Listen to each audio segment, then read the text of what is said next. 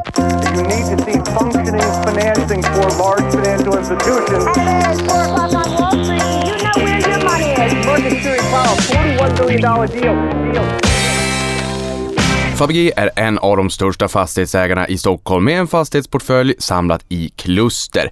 Fokus är kommersiella fastigheter med tonvikt mot kontorsfastigheter. Men hur mår fastighetssektorn just nu och vad hände egentligen med kontorsdöden?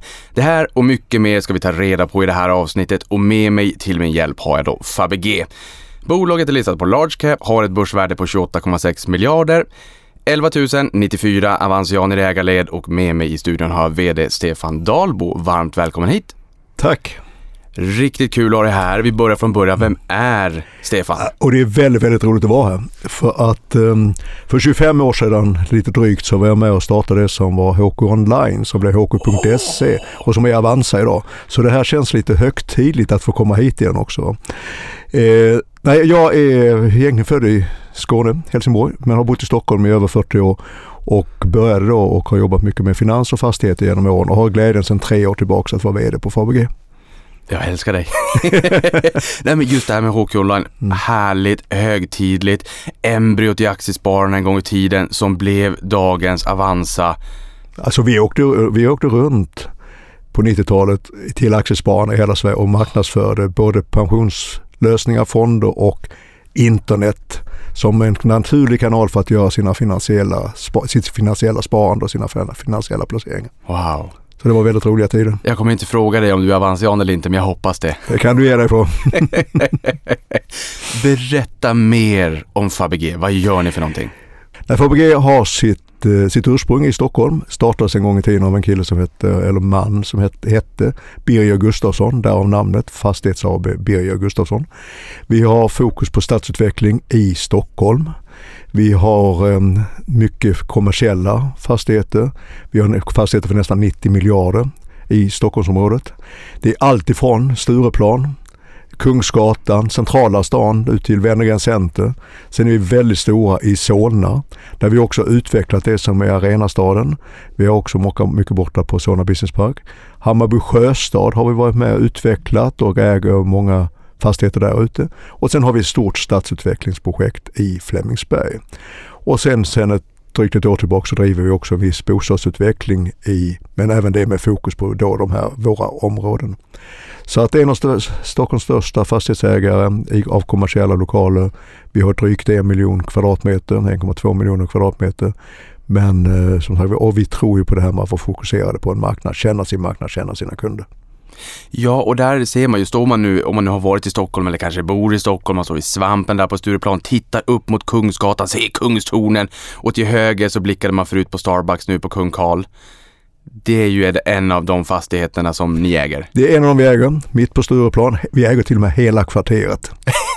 Så att, okay. Eh, och för Kung Karl är ett helt kvarter. Sen går du upp på Kungsgatan så äger vi, mycket, vi äger inte det som kallas Myrstedts matthörna men nästan allting annars på den sidan upp till uh, bron. Vi äger då också um, eh, det kvarteret uppe där, där en eh, kollega i branschen får man väl säga till er för det kommer på det sättet. Carnegie sitter, hela det huset äger vi. Och eh, konventen flyttade in i ett av våra hus upp ner på Kungsgatan och har gjort en coworking på ett helt hus där nere. Så att det är, eh, vi, kunde, vi kunde gå runt hela stan jag kan säga att det är, där har vi och, och, och sen Wennergren Center som sagt var som är en sån där ikonisk byggnad som, som alla vet vad det är också i princip. Ja, och ni är ju som du säger, ni är Stockholmsfokuserat mm. bolag som citat och utvecklar attraktiva och hållbara stadsdelar med fokus på främst kommersiella fastigheter på ett antal välbelägna delmarknader i Stockholmsregionen, de du nämnde här då. Och det här värdeskapandet sker ju genom segmenten förvaltning, förädling, projekt och bostad. Det här gjorde ni om lite grann nyligen också när ni förvärvade ett bostadsbolag. Och sen har vi ju en del transaktioner också. Berätta lite grann om de här olika segmenten. Mm. När du kan säga förvaltning, det är ju det beståndet vi har och det är våra sex, vi har, vi har ungefär 100 fastigheter. Så vi är relativt begränsade på det sättet så det är väldigt stora värden per fastighet. Vi har knappt 700 kunder i, det, i, kontors, i kontorskunder. Så vi är ju väldigt fokuserade på det. Och det första i förvaltning det är att ta hand om det vi har. Se till att underlätta kundens vardag, att göra det bra för dem, att vi håller våra hus i bra skick och så vidare. Sen har vi hela stadsutvecklingen där vi på de senaste 15 åren ju har utvecklat det som är Arenastaden idag. Det fanns ju inte för 15 år sedan. Det börjar också med Friends Arena som faktiskt fyller 10 år just den här, de här veckorna. Eh, så det, tiden går fort. Men som jag har lagt grunden för det. Vi har, det har också utvecklats eh, ett antal andra med, med, där ute med många kontor, mycket huvudkontor där ute, SEB, Telia, eller inte huvudkontor men stora kontor från många av dem, Telia, ICA, Tieto Every de senaste som flyttat in. Så väldigt stora kontorsbyggnader där ute och det är ju en del av vår projektverksamhet där vi håller på fortsatt nu och utvecklar sådana där vi har mycket projekt på gång. Vi håller just nu på att bygga till exempel Haga Norra, gamla mer känd kanske som Bilja, anläggningen där ute. Vi håller på med ett jätteprojekt men det kommer hålla på många år ute i Flemingsberg. Där vi i Flemingsberg tar det som är Sveriges åttonde största studentstad idag. Det händer, finns alltså väldigt mycket där ute. Men det saknas moderna kontor. Och det behövs fler bostäder så vi håller på med ett stort stadsutvecklingsprojekt där precis in till järnvägen. Och det kan du säga det är någonting som vi har ehm, i vår ehm, som en del av strategin är att ligga i lägen i Stockholm som är kommunikations eh, eller med bra kommunikationer. Tunnelbana, tåg, vägar och så vidare. Lätta att ta sig till och även från. Va? Hur ser fördelningen ut eh, marknadsvärdesmässigt då? Vi pratar ju om innerstan och ni äger en stor del, i hela kvarteret och Solna och Hammarby och Hammarby sjöstad. Hur ser fördelningen eh, marknadsvärdesmässigt ut? Du kan säga att eh, det som är innerstaden och alltså de mest centrala delarna ut till tullarna ungefär. Det är ungefär 40 procent av våra värden. Och det, men det innebär att det är över 30 miljarder helt otroliga pengar. Mm, ja, verkligen. Och sen eh, Solna är ungefär lika mycket knappt och sen är Hammarby lite mindre. Det här med attraktiva stadsdelar blir jag lite nyfiken på vad det innebär i praktiken. Du var ju in nu här på Arenastaden. Jag vet att vi hade en träff med min lokalavdelning Aktiespararen här för några år sedan och då såg vi en bild, det var bara en gräsplätt. Mm. Folk sa ni är tokiga. Mm. Vad håller ni på med? Ni kommer inte kunna göra det där till någonting bra. Det var då och nu är nu. Det här har ju blivit fantastiskt. Mm. Jag jobbat på SEB under ett antal år. Jag fick aldrig möjligheten att flytta in till arenastaden. Men man ser vilken puls det är med mm. gigantiska byggnader, de stora tunga bolagen och inte minst med handel. Det har blivit liv och puls så att säga. Och här har vi också sett Westfield Mall of Scandinavia som har mm. blivit lite grann av ett dragplåster. Jag har också förstått att man ska dra ut tunnelbanan, en ny tunnelbanestation. Det blir jag lite nyfiken på om jag snabbt kan ta mig från city och ut till, till, till dit så att säga. Det ökar ju attraktionskraften och foot traffic. Vad innebär det här med attraktiva stadsdelar i praktiken? När vi börjar med det som du sa så är det ju att det är bra kommunikationer. Och eh, för att du ska kunna ha en levande stadsdel. Och eh, just i Arenastaden håller de på att bygga tunnelbana just nu. Och kommer, start, kommer väl att öppna ungefär om fem år kan vi säga. Det, det, är väl lite, det blir ju alltid lite förskjutet i sådana projekt. Men framförallt kan du redan idag ta dig dit med tåg. Det är en station från Odenplan och två stationer från Centralen. Så det tar inte många minuter ut. Och det går, eh, men det kommer ju klart bli ännu bättre när tunnelbanan kommer. Det som är en levande stadsdel för oss det är att du kan ha en mix av att eh, du kan leva där, du kan bo där, du kan arbeta där, du kan äta där, du kan handla där. Det är liv mellan husen. Du kan eh, ha, att det finns en puls. Mm. Sen har ju varje plats sin unika, sina unika förutsättningar. Och Arenastaden hade ju en unikitet, det är ju just att det var dels kommunikationen, läget så nära city men ändå möjligt att bygga så stort. Att bygga Mall of Scandinavia som Westfield har gjort med då som de hade som mest innan pandemin 14 miljoner besökare. Och som en parentes där kan jag säga att vad jag förstår nu så har de lika mycket försäljning i, idag som de hade innan pandemin. Så handeln där ute har kommit tillbaks. Kul! Eh, men, men nej, så det är väl en lev, att se till att det är 24-7, att det är levande. För det är mycket mer bostäder där ute också än vad man kanske tror först. Va? Och framförallt i närområdet. Ja men för jag tänker här med Arenastaden, eh, Westfield Mall of Scandinavia, Haga Norra och det kommer ju inte vara, alltså det kommer bli ett myller där. Det kommer att fortsätta, det är, det är bara fortsätta utvecklingen. Och vi säger lite slarvigt att vi har kommit halvvägs i Arenastaden. För vi har väldigt mycket mer kontor, vi kan bygga, bygga om. Vi har mer bostäder, vi håller på med bostäder. I, vi byggde 500 bostäder i, på, i Haga Norra nu. Det kommer 500 till så småningom. Eh, bara där, 1000 bostäder. Och det är ju på en plats där det inte fanns en enda bostad för några år sedan. Men det känns ju som att, ja men det vet vi ju alla, spagetti och köttfärssås. Köttfärssåsen är fantastisk dagen efter. Och här tänker jag, parallellen är ju att om ni bygger exempelvis då Arenastaden så borde ni ju vara en klockren aktör att själva eller att partra, teama ihop med någon annan fundera kring hur bygger vi bostäder kring det här? Hur får vi upp värdet och attraktionskraften och liv och rörelse i hela området? Är ni en naturlig part att ta bostadsbyggande som en del av de här områdena ni vill bygga? Ja det är vi. Vi är ju, eh, vi är ju väldigt speciella, har varit specialiserade på kontor men i och med att vi utvecklar markområdena, vi utvecklar stadsdelar så har vi fått väldigt mycket bostadsbyggrätter också. Historiskt sett så har vi sålt av det eller tagit in eh, samarbeten. Men sen ett år tillbaka så köpte vi ett företag som heter SH Bostad och som nu har byggt namn till Birger Bostad. Och då kan du gissa var det namnet kommer ifrån. Eh, som ändå eh, del av vår, där vi har en kompetens för just att vi utvecklar bostäderna själva också. Och för det, kommer, det är väldigt aktuellt i, både i Arenastaden, i Solna Business Park, på några andra ställen i, mm, i eh, Huvudstad bland annat i, i Solna och inte minst när vi börjar prata sen Flemingsberg och den, dess framtid. Mm. Och det här förvärvet gjordes ju i fjol eh, och då hette det då SHH Bostad eh, och det här är ju ett samhällsfastighetsbolag med fokus på bostäder och samhällsfastigheter. Hur ska man tänka kring det här? Vad är framtidsutsikten och tanken för det här eh, i ett vidare Fabege? Nej men det, det kompletterar oss väldigt väl för jobbar vi med hela stadsutvecklingen så blir det att det, det inkluderar bostäder, det inkluderar lite skolor eller skolor och andra samhälls... Men de är framförallt bostadsutvecklingsbolag. Och det är den kompetensen var den vi sökte efter också. Mm vi har ju varit in på det nu här, men, men lite mer, ett, ett, en sista gång, lite fokus också på Haga Norra. Mm. Jag tycker det är jättespännande varje gång man bilar förbi där och ser att det börjar växa fram och jag har sett mm. också de här visionsbilderna. Det känns härligt och lite myllrigt och någon pub och någon restaurang och sitta ute och fika. Berätta, vad är visionen med Haga Norra? Nej, det är att det ska vara en väldigt levande stadsdel. En väl attraktiv och levande stadsdel nära Hagaparken, nära Stockholm city och nära arena, alltså resten av arenastaden och Malls och Scandinavia. Eh, och det är det vi ser nu växa fram som du sa. Bilia flyttade in i helt nya lokaler för drygt ett år sedan. Mycket fina. Där Jättefina. Mm. Ovanpå det byggdes det 500 bostäder. Vi håller på att bygga ett kontorshus nu med 30 000 kvadratmeter ut mot eh, leden som går förbi där precis. Och innanför på det innergården kommer det då byggas ytterligare som vi sa 500, 500 bostäder ungefär. Med och lite, eh, mycket restauranger. Det kommer att vara gym, det kommer att vara eh, annan typ av närservice. Eh, och, och även eh, livsmedelsaffärer och liknande. Så att det, det, och lite internationellt präglat, lite Paris eller Milano kanske, eller de här kvarteren, lite mer där man lever man, och det, lite, ja, som, lite mysigt. Mm. Det kliar aldrig i fingrarna att göra den här resan ni gör i Stockholm även nere i, i hemtrakterna?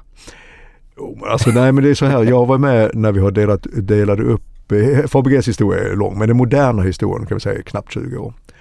Och är ju ett kusinbolag brukar vi säga till Wihlborgs och eh, bland annat. Och eh, Wihlborgs har vi koncentrerat sig på, det var ett, en gång ett gemensamt bolag. Och, eh, men Wihlborgs koncentrerar sig på Öresundsregionen med framförallt Malmö, Lund och Helsingborg och är jätteduktiga där nere. Känner sina marknader, känner kommunerna, känner kunderna och vi gör det här uppe i, i Stockholm. Sen har vi ett litet, litet, litet projekt i Staffanstorp. Men det är via SOH Bostad för de har haft en kompetens men det är ingen konkurrent på något sätt. Va? Nej. Innan vi tar oss vidare så måste jag också bara fråga, om man nu kör då Norra länken och E4 norrut mot kanske, säg Arlanda exempelvis, mm. då kör man ju förbi The Winery Hotel. Ja. Vad är det här Ja men det är ett underbart hotell. Som är, byggdes för, vad kan det vara, de flyttade in 6, 7, 5, 6 år sedan. Eh, som är väldigt specialiserat på eh, att de har, de har alltså vin produktion inne i hotellet. Och de har vinprovningar och de har väldigt mycket, de har spa och liknande. Så att det på veckorna är väldigt mycket konferenser där, företagsgäster. På helgerna väldigt mycket privatpersoner. Och eh, väl värt ett besök. Trevligt. Jag hade med Scandic Hotels igår i podden och där vittnar man ju om att det är full fart under galoscherna för de här event eh, exempelvis. Mm. Det hör vi ju här från er också. Det är mm. fullbelagt. Ja, det, det är full, det är kung Karl inne på Stureplan eh, har, har fullt, har väldigt bra aktivitet. De andra få, vi har inte så många hotell men de vi har eh, rullar på bra. Kung Karl, jag tror att de satsar lite grann på jazz också. Kan du reda på. Mm, mm. Onsdagskvällar tror jag det är. Ja. I er årsredovisning i fjol pekade ni på att Svensk Handel spår att e-handeln kommer att fortsätta växa och utgöra någonstans 30-40% av all detaljhandel, vilket kommer slå ut 6 till 10 000 butiker till år 2030. Det jag tycker är intressant här, för jag tycker ändå det är lite trevligt att gå in i butiker och Omnikanal gillar jag också. Eh, att man har valet online eller i butik. Lokaler i bottenvåningar kommer då behöva fyllas med andra publika verksamheter. Vad har ni för spaningar här? Hur, hur kommer det här att utvecklas?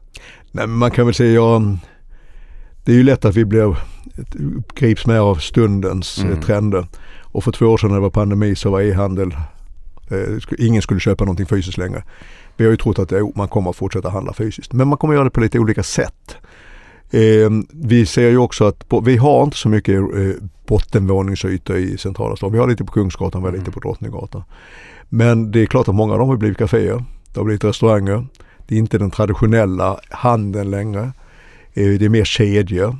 Jag tror ju att man, vi behöver det. Den fysiska handeln har definitivt en framtid. Men den kommer att se lite annorlunda ut. Den kompletteras med e-handeln. Och det är väl ungefär som finansiella tjänster.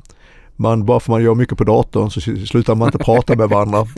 Man slutar inte med, för att vi, eh, det kräver, eh, det finns utrymme för både och. Sen, eh, så e-handeln kommer fortsätta öka och den är ju bara 25 år gammal egentligen, precis som eh, den finansiella världen, eller internet överhuvudtaget, användandet av internet. Så klart att vi, det kommer fortsätta. Men så vår spaning är att mixen kommer behövas. Och, eller kommer att ha, ha en framtid. Ja, för den, den, den extrapolerande spaningen jag har här, det är ju lite grann, ni har ju som du säger inte riktigt den typen av lokaler i i många av era fastigheter och områden.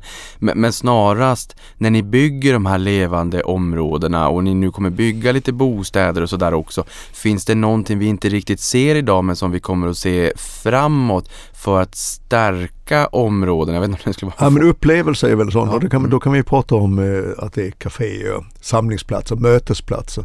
Men vi ser ju vad som växer upp i Stockholm nu. Det är lite mer eh, interaktiva museer, interaktiva eh, mötesplatser där du kan sitta och e-gamea. Du har borta på Hötorget Spaces som är en helt ny. Vi har lite ute i Mall digitala museer. Och det är klart att det gör ju att det ger helt nya möjligheter också. Va? Så att eh, olika typer av mötesplatser eller upplevelser, det tror jag fortsätter. Winery är ett sånt där man samlas kring vinet. Mm. Eh, så det kommer säkert, det, där tror jag, att vi, där har vi nog bara sett början. Vi kommer att fokusera på framtiden, men jättekort bara, jag blir ändå nyfiken. Hur navigerade ni igenom coronapandemin? Det viktigaste vi hade det var ju att ehm, prata med varandra internt och prata med våra kunder. När det är jobbigt, det är då måste du vara närmare kunden än någonsin. Det gäller oavsett vilken bransch vi pratar om och det är ju samma sak för er. När det är lite börskrascher, ja då vill man vara ännu närmare kunderna. När det var pandemin, ja, då gällde det att jobba med kunden. Hur ska vi ta oss igenom det här tillsammans? Så det var liksom det var vårt huvudmål. Kund, kunddialogen. Vi pratade ju om de här olika segmenten nyss. Eh, Men vi- vilket är störst, vilket är lönsammast kontra vilket växer snabbast? Alltså ett Fabege, ska vi se det som ett förvaltande fastighetsbolag i störst utsträckning eller projektdelen och, och vad ni bygger, Arena stan och Flemingsberg och så där? Eller hur, hur ska man se på er? Ja, men, eh, det unika med oss är väl att vi är koncentrerade på Stockholm och det innebär att vi både förvaltar och utvecklar. Mycket av värdena vi skapar och har skapat är ju via utvecklingen, via projekten. Att vi gör, tar en stadsdel och gör den lite mer attraktiv.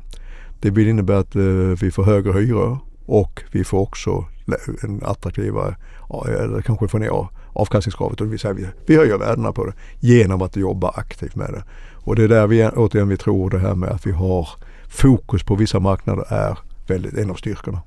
Men, men tolkar man det då rätt att ni har makten i egna händer, ni är er egen lyckas med för att ni kan långsiktigt jobba med att få upp hyrorna genom att öka attraktionskraften i de här områdena, genom att fokusera på handel med, och, och restauranger och fik och förskola och bostäder och kontor där ni vet av erfarenhet hur man får det här levande Ja, området. men lite, mycket, mycket, mycket är det ju på det sättet. Mm. Och du kan säga i Arenastaden när de flyttade in där för drygt tio år sedan, de första Vattenfall och ett par till, då var det kanske hyrorna en bit över 2000. Nu börjar vi prata bit över 4000. Och det har ju skapats genom attraktiviteten i området. Samtidigt som eh, det har blivit mycket intressantare för även andra att vara med som och titta på att investera där ute.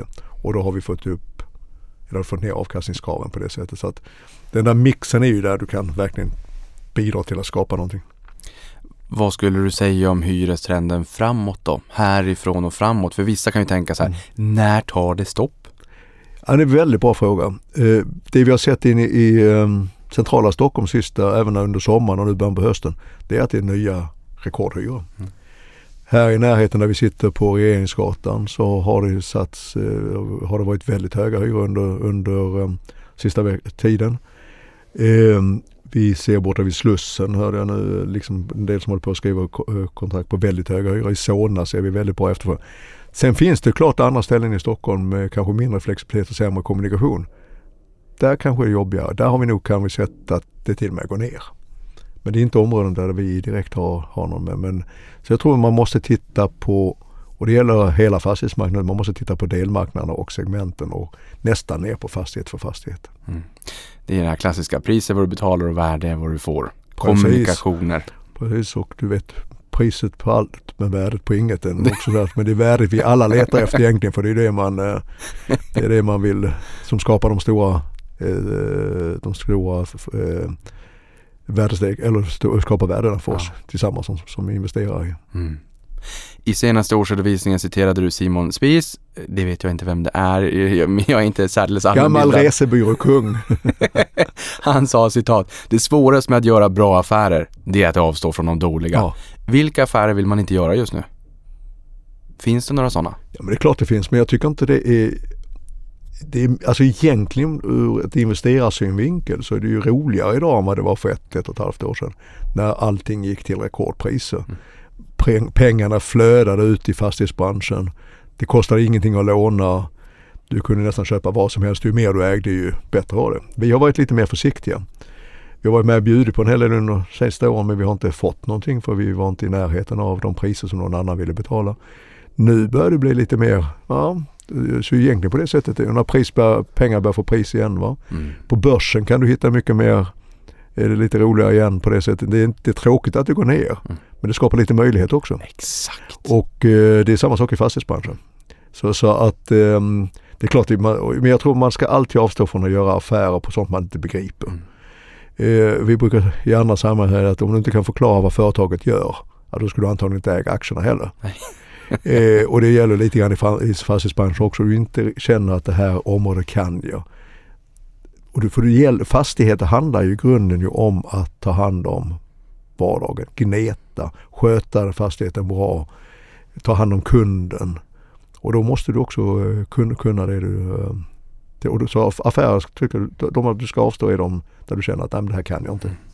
Men, men hur skulle du säga att den här äh, krisen, om man nu så får kalla det för kris, står sig i en historisk kontext? Jag vet Hans Wallenstam släppte en bok för några år sedan där, där man pratar om Die dumme Schweden och, och hur så här, vill ni se fastigheterna innan ni köper dem? Herregud, ni får ju 105% av köpebeloppet. Köp, skriv på bara! Ja, det, det var ju i början på 90-talet, och det var, eller 80, slutet på 80-talet var just det och som skapade 90-talskrisen som då var väldigt speciell. Det finns ju ofta, det finns ju väldigt sällan en, att, en, alltså att det, kriserna ser likadana ut. Ännu så länge är vi inte inne i en fastighetskris. Nej. Läser, du tin, läser du tidningarna så kan du tro det. Va? Nej, jag läser ditt vd-ord. och där vet jag att vi, eh, det är en stor diskrepans, eller hur? För att eh, än så länge så går fastighetsmarknaden rätt så bra. Däremot så är det rubriker utifrån att börskurserna har gått ner. Det är jobbigt på finansieringsmarknaden men eh, på, om vi tittar på eh, bond, eh, obligationsmarknaden där det inte längre finns de här jättebilliga pengarna. Det finns några ägare till några av de noterade bolagen som har haft det tuffare för de har haft hög belåning på, på sin holdingbolagsnivå så att säga. Men fastighetsbolagen läser vi alla rapporterna, nio månaders rapporten på fastighetsbolagen, så går bolagen i sin verksamhet väldigt bra. Så det gör att det här, den här krisen som man ser, det innebär ju inte att det inte finns utmaningar. Det innebär ju inte att vi kommer att ha tuffare tider. Det innebär inte att det inte har varit för lätt i tio år att vara fastighetsägare för att När räntorna har fallit, kapitalet har varit nästan gratis. Det är klart att det har varit lätt att vara fastighetsägare. För att det har blivit fantastiska värdeökningar. Ja, och det, och det här någonstans när du säger så, så, så kommer jag att tänka på en parallell här där man ofta brukar säga att omställningstrycket, omvandlingstrycket minskar i svensk basnäring i industrin om kronan är alldeles för svag. Mm. Och sen så blir man rädd att de är fat and happy och vaknar upp en morgon. Du säger ju här att, att eh, räntan som är priset på pengar har varit ultralåg och det mm. kanske har gjort att det har varit lite för enkelt att vara fastighetsägare under lång tid. Har det, skulle du säga, gjort att man har blivit lite blasé generellt i branschen eller har man liksom har man ändå vetat att det här kommer att normaliseras där framme. Är det vissa som har blivit fat and happy? Absolut. Mm. Ja, men det, det, det, det, är bara att titta på vilka förmögenheter som har byggts upp och, och under relativt kort tid och eh, eh, som kanske i några fall är lite skakigare just nu därför att verkligheten hinner ikapp. Men många av de stora svenska börsnoterade bolagen har ju, har ju väldigt solida balansräkningar och bra situation och bra fastigheter. Så, så klart, men, men klart att det har varit en bransch där det har blivit eh, det har ju på vissa håll till och med varit lite vilda västern under de sista åren. Så har det varit ju.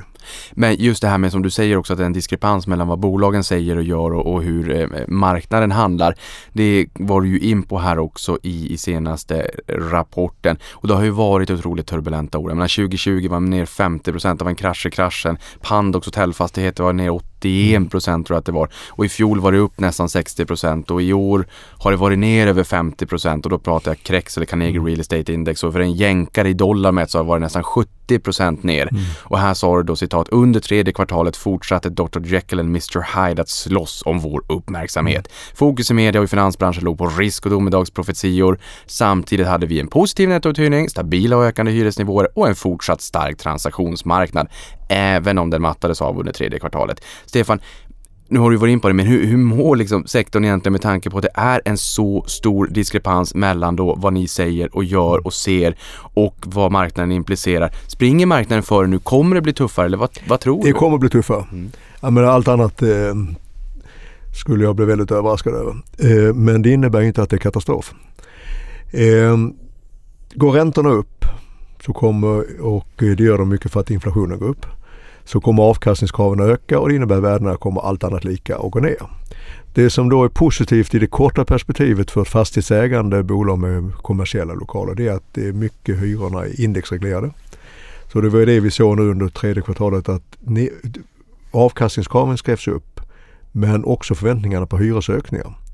Så att på tisdag vet vi exakt vilket index blir för hyresförändringarna från 1 januari. Mm. Men det lutar väl åt cirka 10% Men ni lyckades med 10% det senaste kvartalet. Vad säger bolagen?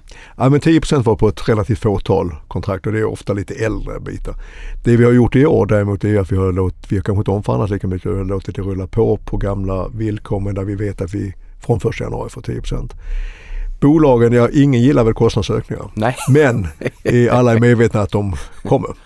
Eh, våra bolag, vi har ju fördelen att våra största tio kunder står för ungefär 20% av hyresintäkterna och en bit över 20 och vi har väldigt långa avtal i snitt på de tio så jag tror det är nio år avtal. Och de heter SEB, ICA, Telia, Carnegie och så vidare listan på och så en del myndigheter. Listan kan göras väldigt lång där vad det är Bilia och det är eh, Convendum och så. Företag som klarar av att betala hyran och där ofta hyran och den totala hyran är en relativt liten andel av deras totala kostnadsmassa. Men vi har starka svenska stora blue chippen kan vi säga i, i både på, på, och det känns väldigt, väldigt bra. Men, men när du la till blue chips då fattar jag och mina lyssnare. Börsens blue chips fast i, i, i mm. kundled där ja. då. Ja, för då blir man ju också lite trygg. För det är ju klart att det är skillnad på kund och kund. Det här är ju solida, mm. solventa mm. bolag. Ja.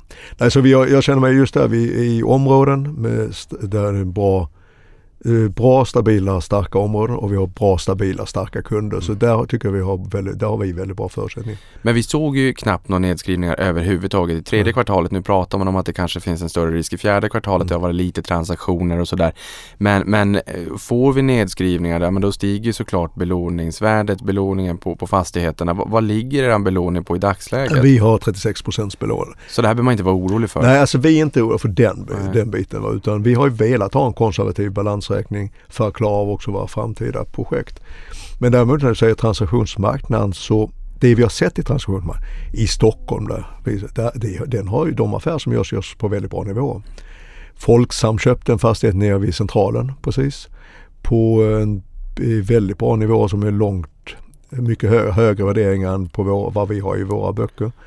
Vi såg eh, också att det kommer in lite annat kapital i stora fastigheter och det är privatkapital. Igår såldes, eller blev det offentligt att eh, Hotell Diplomat hade sålts till en privat fastighetsägare, alltså byggnaden. Mm. Vi såg eh, ett antal av EQT-partnersarna som har köpt fastigheter, både kommersiella och hyresfastigheter sista tiden. Stora fastigheter på Strandvägen och eh, nere på vid, nästan vid Stureplan. Så en hel del privata aktörer har kommit in också så det finns mycket försäkringspengar. Fortsatt pensionspengar och eh, även privata som vi tittar på. Så transaktionsmarknaden, det, det som har gjorts har gjorts på bra nivå. Det jag blir intresserad kring här det är ju att vi har ju gått från TINA till TARA. Mm. There is no alternatives till there are reasonable alternatives. Och, och jag menar, det har ju varit jobbigt för internationella placerare och speciellt om det har stått att, på sitt placeringsmål att du ska ha XYZ antal räntor. Vi hade 18 000 miljarder dollar i negativt territorium, nu har vi 2 000 allt i Japan. Nu har vi ju börjat, börjat se att, att det faktiskt eh, finns alternativ till aktier då. Och jag menar avkastningskraven pratar de här. Genomsnittligt avkastningskrav var 3,77 i senaste rapporten. Stockholms innerstad låg på 3,43 i ena eh, ringhörnan. Flemingsberg 4,95 i, i andra ringhörnan eh, då. Hur, hur, ska man, hur ska man tänka? Du ser mera privat kapital. Då tänker jag mig att det har flödat ut en del pensionskapital kanske som kan placera en del av slantarna någon, någon annanstans. Och det är ju inte konstigt. Det kanske snarast är sunt. Men, men finns det en risk där att attraktionskraften försvinner lite grann för att det, guldet glimmar på andra ställen också? Ja men det är klart det gör. Men, men, men, där, men där är ju då frågan vilken risk du vill ha på dina, dina placeringar också. I försäkrings och pensions har de ju regler också för hur de får fördela det. Just det. Eh, sen, sen eh, privata kanske också ser det, har, det väldigt, kan ha väldigt lång horisont och har väldigt liten belåning. Så de ser det kanske mer som real, eh, eh, ser det som en real tillgång. Så att det är väl lite olika men det är klart att allt annat lika så när kapitalet blir dyrare så blir det ju tuffa.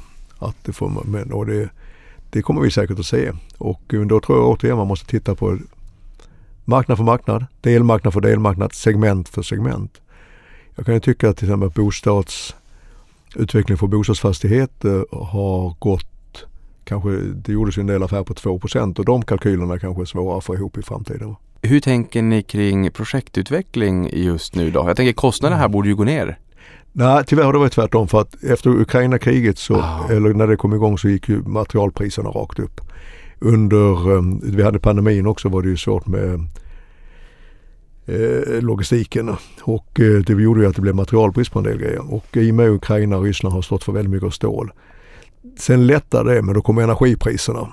Så att eh, på projekt så är priserna kanske upp 10-15 procent och med, huvudsakligen på material och energi.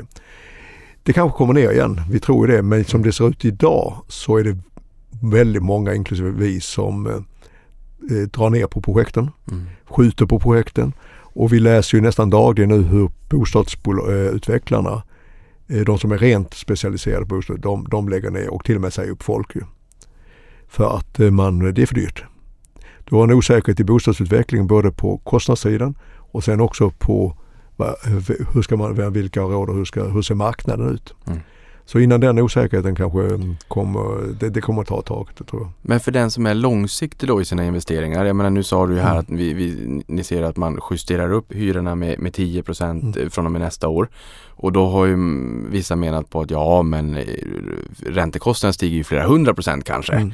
Ja, fast de lär ju falla tillbaka tids nog och nu fick vi ju en siffra för inflationen i USA igår som, som utlöste ett börsrally. Om, och det var väldigt trevligt. Sen så hoppas jag verkligen att, att vi inte får en reacceleration om och Kina släpper på och öppnar upp. Det, det kan, och det hoppas jag att de gör, men att det inte leder till en jättejobbig spik i inflationssiffrorna. För då kommer börsen falla ner igen. Så att min fråga här är ju att ni justerar ju upp hyresintäkterna och där blir det ju en ny lägstanivå framåt. Medan finansieringskostnaderna skulle ju kanske kunna sjunka tillbaka framåt. Hur ska man som långsiktig aktieägare tänka kring det här? Nej men jag, jag som aktieägare just nu så tycker jag att vi, om vi tittar på, vi pratar mycket om fastighetsmarknaden i sig och där kan jag säga, men aktiemarknaden har ju tagit höjd för det här med råge. Åh herregud. Eh, och värderat ner indirekt fastigheterna väldigt, väldigt mycket redan. Mm. Så jag, jag tycker ju att från att ha varit tyckt att fastighetsbolagen i allmänhet var rätt högt värderade på börsen för ett år sedan. Och ehm, så nu, ehm, nu händer det mycket varje dag så att det, det, igår morse var det billigare än vad det idag och, då, och för två veckor sedan var det extremt billigt, mycket billigare. Va? Och det har svängt men, men i aktiemarknaden så är det jättespännande läge och uh, titta på fastighetsbolagen tycker jag långsiktigt. Det här är ju en off topic fråga för den här podden natur- naturligtvis, men jag antar att du är aktiebiten. Så är det. Så är det. Ja, så är det. Hur ser pipe... Sen lång tid. Sen lång tid, jag hade inte förväntat mig någonting annat. Hur ser pipeline ut inom projektorn? Nu säger ni att ni drar ner på takten lite grann, men hur mycket investerar ni årligen ett normalt Ungefär år? 2 miljarder. Och vi har totalt sett en och en halv miljon kvadratmeter byggrätter på sikt här i eh, Stockholmsområdet och eh, hälften bostäder ungefär och hälften eh, kommersiellt. Och om du skulle sammanfatta er tillväxtstrategi då, hur skapar ni långsiktigt värde? Dels genom att ta hand om det vi har och genom, genom att sköta det och områdena på bra sätt kunna höja hyrorna successivt. Se till att vi minskar vakanserna. Vi eh, har en potential i att minska vakanserna något och då kanske är 100-150 miljoner i hyresintäkter över lite tider minst. Och sen har vi projekten, de vi håller på med nu, kommer öka hyresintäkterna med när, det är, när de är klara och inflyttade och uthyrda med ungefär 400 miljoner. Sen har vi då de framtida projekten. Så det, men, men däremot så är det så långa projekt ju. Det är, vi bygger nu till Alfa Laval i Flemingsberg som vi börjar bygga i augusti. Ett fantastiskt projekt. De kommer flytta in mitten på 25. Vi bygger till Operan Dramaten i, i, eh, i eh, Flemingsberg också. De är inflyttning 2024. Så det gäller att ha lite tålamod i fastighetsbranschen för det är långa projekt. Ja, Det är inte som att handla aktier. Nej, exakt.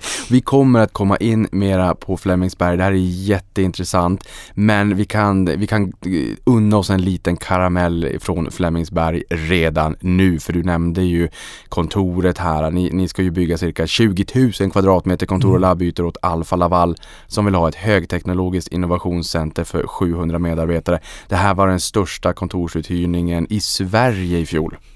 Ja, Berätta. ja jätteroligt. De har suttit 60 år ungefär i Tumba och kände att de behöver nya, nya förutsättningar. De vill vara söder om stan och Flemingsberg är det perfekta läget eh, tyck, tyckte de och tyckte vi.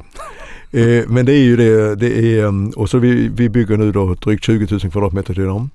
Varav en tredjedel drygt är innovationscentret och sen resten är kontor för då deras, eh, för den, verks- den verksamheten som har varit i Tumba.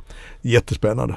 Men gynnas ni av word of mouth tänker jag? Alltså, jag, menar, det, jag förstår ju att det finns väldigt många olika eh, potentiella hyresvärdar i, i Stockholm. Ni är ju en av de stora och det finns ju många. Men jag tänker att ni har ju tagit så många prestigeprojekt och byggt huvudkontor åt så många st- rejält stora bolag, inte sällan börsbolag. Det måste ju skapa ringar på Ja vattnet. men det är klart det gör. Vi, vi, vi är ju vana att hantera den typen av stora projekt och jobba med den typen av stora kunder. Och sen, men sen är det ju också att vi har, huvudskälet är att vi har haft en bra produkt. Arenastaden och uppbyggandet av det har ju varit en väldigt, väldigt bra eh, läget, att det fanns så mycket mark, att du kan bygga så stora, så nära stan har ju varit helt unikt. Flemingsberg, lite andra förutsättningar, men det är ju samma sak där att eh, när Alfa Laval, då, klart att de tittade på att vi är vana att hantera den här typen av kunder. Det har så länge jag kan minnas pratats om bostadsbristen i Stockholm. Mm. Få pratar om kontorsbristen och den har ju förvärrats av konverteringar från kontor till bostäder och hotell också. Har vi en fortsatt kontorsbrist just nu och vad hände egentligen med kontorsdöden? En, eh, jag tror att det finns en kontorsbrist i vissa områden i Stockholm. Inne i innerstan där vi liksom har också mycket regleringar så vi bygger inte på höjden vilket man skulle gjort i vissa andra städer. Där finns definitivt en större efterfrågan än vad det finns utbud. Sen har du klart delmarknader i Stockholmsområdet där du har lite högre vakanser. I ehm, så arenastaden så ehm, kommer det komma, kommer vi bygga till mycket men just nu skulle vi kunna haft mer färdigt. Eh, så jag tror vi måste titta även här på delmarknaden för det. Däremot den här så kallade kontorsstöden som ju blev något eh, begrepp utifrån eh, media nästan och konsulter som, ja men varenda gång man läser om kontorsstöden i tidningen så samma, dagen efter så ringde ofta någon konsult och frågade om vi behövde hjälp. Va? Och inte, inte sällan någon som hade uttalat sig i tidningen också.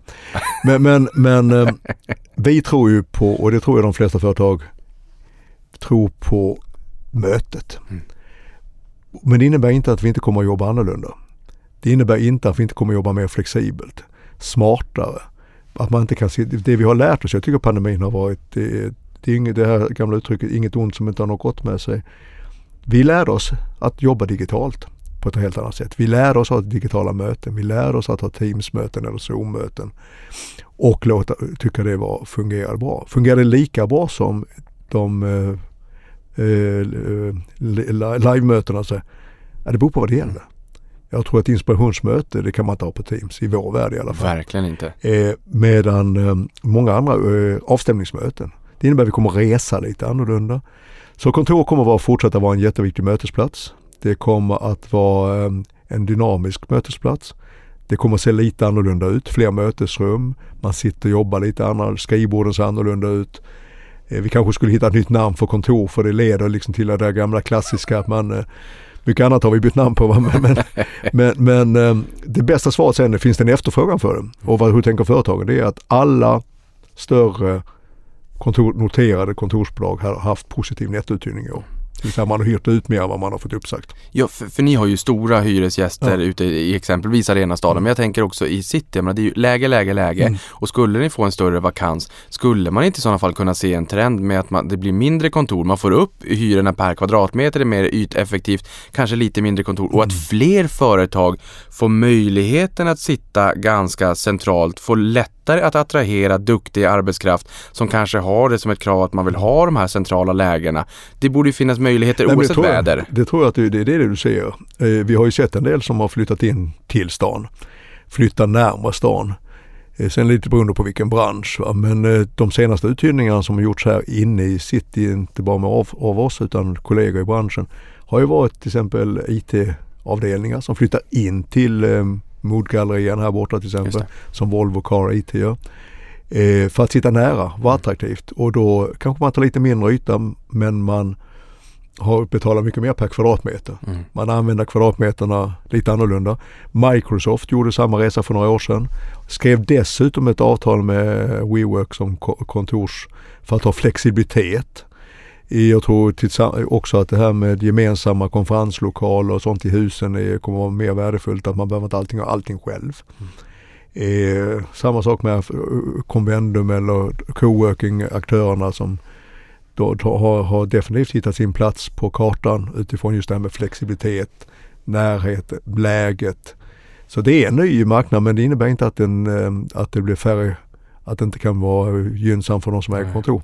Nej, och, nej men precis och det blir ju också faktiskt så att det finns en viss ekonomi i hybridkontoret för arbetsgivarna också. När vi hittar sättet om det nu är så att vissa kollegor vill jobba lite hemma för att man kanske inte ryms allihopa. Nej, alltså det var, det var en stor artikel häromdagen i, i Dagens Industri. Eh, Vi har vår senaste stora projekt ute i Arenastaden där de har flyttat in nu i något fantastiskt hus med pool i eh, eh, är kommunens, eller Solna stads kommunala eh, bad, badhus i bottenvåningen och sen sitter ju Aha. Tieto Every har samlat sina styrkor i ett kontor på nästan över 20 000 kvadratmeter. Och då stod det att eh, de har, det var katastrof ungefär för att de hade inte svårt att få tillbaks till kontoret. Men om man läste hela artikeln så landade det med att de har 3000 anställda ungefär, var 2000 är knutna till Solna. Men en konsultverksamhet är mycket ute på och de hade 1000 Exakt. arbetsplatser som de har i ordningställt och det är 700-800 som är på dem. Så att egentligen är det ju liksom det, det, men det är ju så många företag jobbar. Ja, Och det innebär också att när du jobbar hemifrån, ska du ha ett möte söder om stan och du bor söder om stan, Mm. ja då kanske du inte åker via kontoret. Det skulle du gjort för tio år sedan för att visa att du stämplade in ungefär. Det gör man inte idag. Mm. Nej. Eh, Så vi jobbar smartare. Jag tror eh, smart och flexibelt är det liksom och, och, det, och eh, det ställer det lite nya krav på ledarskap och liknande istället. Va? Men, men eh, och konsulterna är ju ofta ute hos kund Ja, som du ja. säger. En stor del av Stockholms kontorsfastigheter återfinns ju i norra Stockholm men det behövs ju även kontor i södra. Det här vet jag att ni pratade om på den aktieträffen för ett, för, för ett antal år sedan Mm. också. Att då visade ni en karta, det var nästan bara i norra. Mm. Det här behövs i södra. Ni adresserar den här frågan genom fokus på Flemingsberg. Berätta! Nej men det, det är ju så att mer än ungefär hälften av alla stockholmare bor söder om Slussen. Eller söder om Söder. Och eh, det är, eh, det har inte byggts så mycket moderna nya kontor i de områdena. Det kommer komma en del i slakthusområdet. Eh, vilket kommer att bli jättefint. Men det är relativt små volymer totalt sett. Vi har hela E4 ner mot Södertälje. Det har, och sen har vi då Huddinge, Haninge och så vidare i de olika områdena. Det kommer att utvecklas. Vi har lagt fokus på Flemingsberg och det av många skäl. Ett är att kommunikationen är väldigt bra. När tåget in idag så är det 10 minuter till centralen. Det är en halvtimme till Arlanda. Det är ingen tunnelbana men det finns så mycket annat. Och sen också att det är redan idag Sveriges åttonde största studentstad. Du har ett fantastiskt campusområde med forskning från Karolinska institutet, forskning från KTH och de flyttar mer och mer forskning dit. Södertörns högskola, polisen, listan kan göras lång på andra högskolor som är där ute också. Och eh, det gör ju också att det skapas mycket eh, för avknoppningar från forskningen i de här områdena. Och sen har vi mycket i hela södra Stockholm finns det mycket små och medelstora företag som egentligen inte har haft möjlighet att hitta moderna kontor i, i ett sammanhang. Så vad vi gör i Flemingsberg är att vi bygger en helt ny stadskärna med kontor, med eh, hotell, med hand, eh, handel som inte är konkurrerar med eh, något nytt Mall of Scandinavia för det finns i Kungens Kurva rätt nära. Va? Mm. Det är helt andra förutsättningar och så bostäder. Redan idag så bor det ju över 15 000 i personer i Flemingsberg och i närområdet. Men, men, eh, och det finns fantastiska grönområden. Så, så vi var med och utvecklade det här och det kommer att hålla på i fram till 2050 säger vi att då ska vi gå gått från upp till att det ska finnas 50 000 boende, 50 000 arbetande och 50 000 besökande där ute. Och så att det är ett otroligt spännande projekt. Ja, för det här känns ju som att, ja men nu ser man Arenastaden, man ser Flemingsberg, okej, men, men sen då? Sen då? Det verkar som att ni under väldigt lång tid kan växa de här områdena. Är det samma sak med Arenastaden? Alltså, hur, hur många år framåt kan ni växa där? När tar det stopp? Mm. Ja, det, det kan vi, men men alltså det, vi kan hålla på många år. Ja. Vi har, och vi har väldigt mycket borta i sådana business park Mm. också där vi egent- egentligen inte ens har tagit nästa steg. Utan det har vi, eh, för det har funkat rätt, fungerat rätt bra som det har. Så det, vi har otroligt mycket möjlighet under många, många år framåt. Och eh, jag satt häromdagen och pratade om ett projekt där man, om allting går som det ska med Trafikverket gör sina investeringar och så vidare så kanske vi kan sätta spaden i marken 2038.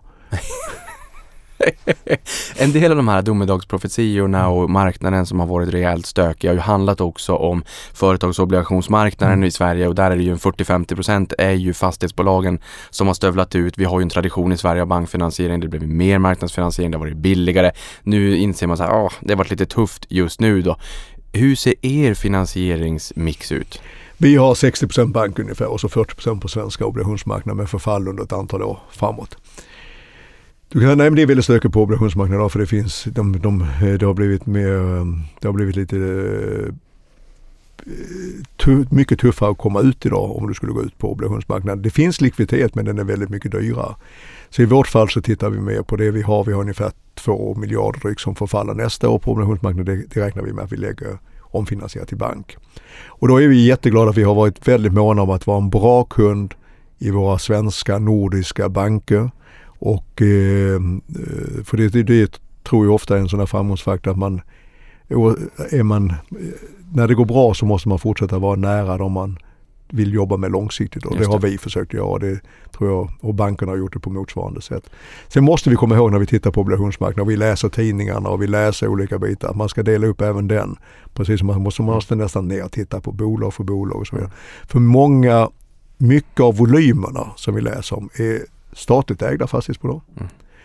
är väldigt stor volym i Heimstaden som har sina ägare med Alecta, Folksam och ett antal andra va?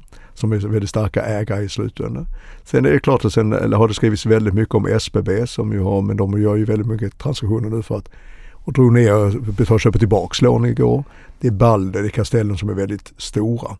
Sen är det ju väldigt många andra som är mycket mindre här, inklusive vi och huvudstaden, Atrium Ljungberg och så vidare. Så att jag tror man måste dela upp och titta på verkligen vad är det, för det är så lätt att det flyger runt en massa siffror. Mm. Utan att man tittar på egentligen vad innebär det och eh, det, det, det, det är väl som vanligt va? när man, man måste, man måste till, sätta sig in i det. Man måste sätta sig in i det, man kan inte bara läsa rubriken, man måste läsa hela artikeln baserat på det du sa tidigare här också. Och det kan ju säga, i er senaste rapport så skrev du ju citat, prissättningen på obligationsmarknaden är fortsatt inte konkurrenskraftig jämfört med bankfinansiering. Vi har under året amorterat förfall om 2,2 miljarder kronor och slutcitat. Så att där inser vi också att ni har ju faktiskt haft ett handlingsutrymme så att eh, det är ju ändå, eh, tycker jag, värt att, att lyfta upp. Hur ser eh, kapital och räntebindningen ut då? Vi har, eh, eller vi har kapitalbindningen, är, den är lång och den är, det är liksom så, så mycket vi kan i bankerna och obligationsmarknaden. Så den är, och där, där omförhandlar vi de, de banklånen som löper ut slutet på nästa år, de omförhandlar vi nu innan detta årsskifte, så ett år i förväg. På obligationsmarknaden är, eh, har ju svensk, har vi, eh, i de svenska så har det ju ofta varit 3 till 5 år. Räntebindningen så har vi eh, ungefär eh, knappt hälften av våra eh, har en eh, räntebindning under mer än tre år. Och totalt sett har vi två tredjedelar har vi haft eh, räntebindning på. Och det gör att om räntan går upp ungefär 1% nu så ökar våra räntekostnader med 100 miljoner ungefär och det innebär 0,3 procent ungefär. Mm. Så, så att det är väl ungefär så, så det ser ut. Men det är klart att eh, när räntorna går upp så kommer vi ha högre räntekostnader men vi har begränsat det till, till ungefär en tredjedel. I senaste då, samma rapport stod det att läsa att EPRA NRV var 185 kronor och mm. aktiekursen står i 96,70 när jag gick in här i studion. Då. Hur ska man som investerare tänka här? Hjälp oss att förstå. Ja. Nej men det långsiktiga substansvärdet är enklare. Det är, är väl ungefär 185 då. Och eh, det är klart att då har jag aktiemarknaden, eh, då köper jag ju fastigheterna förhoppningsvis väldigt billigt via aktiekursen idag. Eh, och det gäller många fastighetsbolag. Det gäller många av våra andra kollegor också. Eller så har, och aktiemarknaden har ju, tycker jag, tagit lite väl mycket höjd för, för hur dåliga tiderna mm. Men det kommer att bli tuffare. Det kommer att vara men det skapar också lite möjligheter. Hur ser era finansiella mål ut då? Vi har, eh, de långsiktiga, det är att framför alltid ha ett belåningsgrad som är under 50% idag har vi 36. Vi ska ha en hög avkastning på eh, egna kapitalet och, det, och eh, räkna långsiktigt med ungefär 10 vi har sen också massa, eh, hur mycket skuldsättning vi kan ha på kontra kassaflöde och så vidare. Och vilka är de största riskerna framåt då skulle du säga? Alltså den absolut största risken tycker jag, den går inte att sätta siffror på, det är den geopolitiska risken. Alltså det hela politiska läget i vår omvärld. Med allt ifrån Ryssland och Ukraina till hur Kina och USA och England och politiska läget i Tyskland, Frankrike, eh, Afrika, osäkerheten, Mellanöstern. Jag är, alltså, lågkonjunktur ingår, det kommer ibland. Och det, är, för, det är vi vana att hantera. Eh, inflation den, eh, den tror jag kommer att eh, den är läskig just nu för vi är inte vana vid den. Vi är en hel generation mm. som aldrig har levt i någonting. Eh, många lite äldre, vi har ändå sett inflation och det, det, men det här geopolitiska. Vi har i 30 år haft en värld som har globaliserats, öppnats upp handeln har ökat, eh, protektionismen har minskat i stor utsträckning i alla fall. Digitaliseringen har hjälpt till att effektivisera, skapa nya förutsättningar. Just nu så är vi på väg att bromsa in det och sluta oss igen och börja bråka. Och det tycker jag är nästan den största risken. Vilka är de vanligaste frågorna från investerarna då? Vilka är de vanliga missuppfattningarna från media? Ja, det är väl ungefär de du har ställt här idag om eh, hur illa är, hur illa är det i fastighetskrisen? Är det än så länge ingen eh, och eh, därmed kommer det bli tuffare. Och det är utmaningar men det är mer en del av en normal bit. Det här med obligationsmarknaden, att vi ska dela upp, måste dela upp och titta på hur ser det ut? För det är från företag till företag så har vi olika förutsättningar. Mm. Så att det här med att dra alla över en kam och det tror jag gäller allt, är ju ofta det felet man gör, man sätter in alla i samma måste, man måste försöka läsa på om varje företag, skapa sig sin egen uppfattning som investerare också. För att se vilka som kommer ha gå stärkt ur det här och vilka som eh, kanske inte överlever. Man måste göra hemläxan. Du som lyssnar på den här podden, det gör ju du också genom att lyssna på Stefan här, vilket är ett stort kliv framåt. Tack för det. Stefan, följer du pilotskolan? Jag följer pilotskolan Men och det, och det innebär att när det går upp så är jag alldeles för lite och när jag går ner har jag alldeles för mycket. Hur ser ägarbilden ut då? Erik Paulssons familj, som är ju den moderna han, de äger ungefär sex, bit över 16 procent. Sen är det relativt spritt. Eh, stora ägare är också Mats Kviberg familj och privat. Han har suttit i styrelsen i nästan 20 år och lämnade i våras. Eh, och sen är det mycket institutioner, svenska fonder, utländska fonder, pensionsfonder och så vidare. Och sen, eh, sen har eh, efter våra förutsättningar har, har många i ledningen och i personalen mycket aktier. Sista frågan, vart befinner ni er om fem år tror du? Vi befinner oss fortsatt i Stockholm. Eh, vi befinner oss fortfarande i Solna och Flemingsberg. Vi har invigt och hälsat Alfa Laval välkomna till nya huset. Vi har eh, hälsat ett stort antal kunder välkomna till ytterligare Arenastaden, Operan Dramaten och så vidare. Så att, eh, vi fortsätter med Stockholm och vi har eh, lyckats tillföra ytterligare värden till, till aktieägarna. Stefan, tusen tack för att du kom till podden och berättade mer om Fabege och bok fastighetsmarknaden just nu. Det här har varit fantastiskt trevligt. Tack! Och stort tack för att du lyssnade på det här.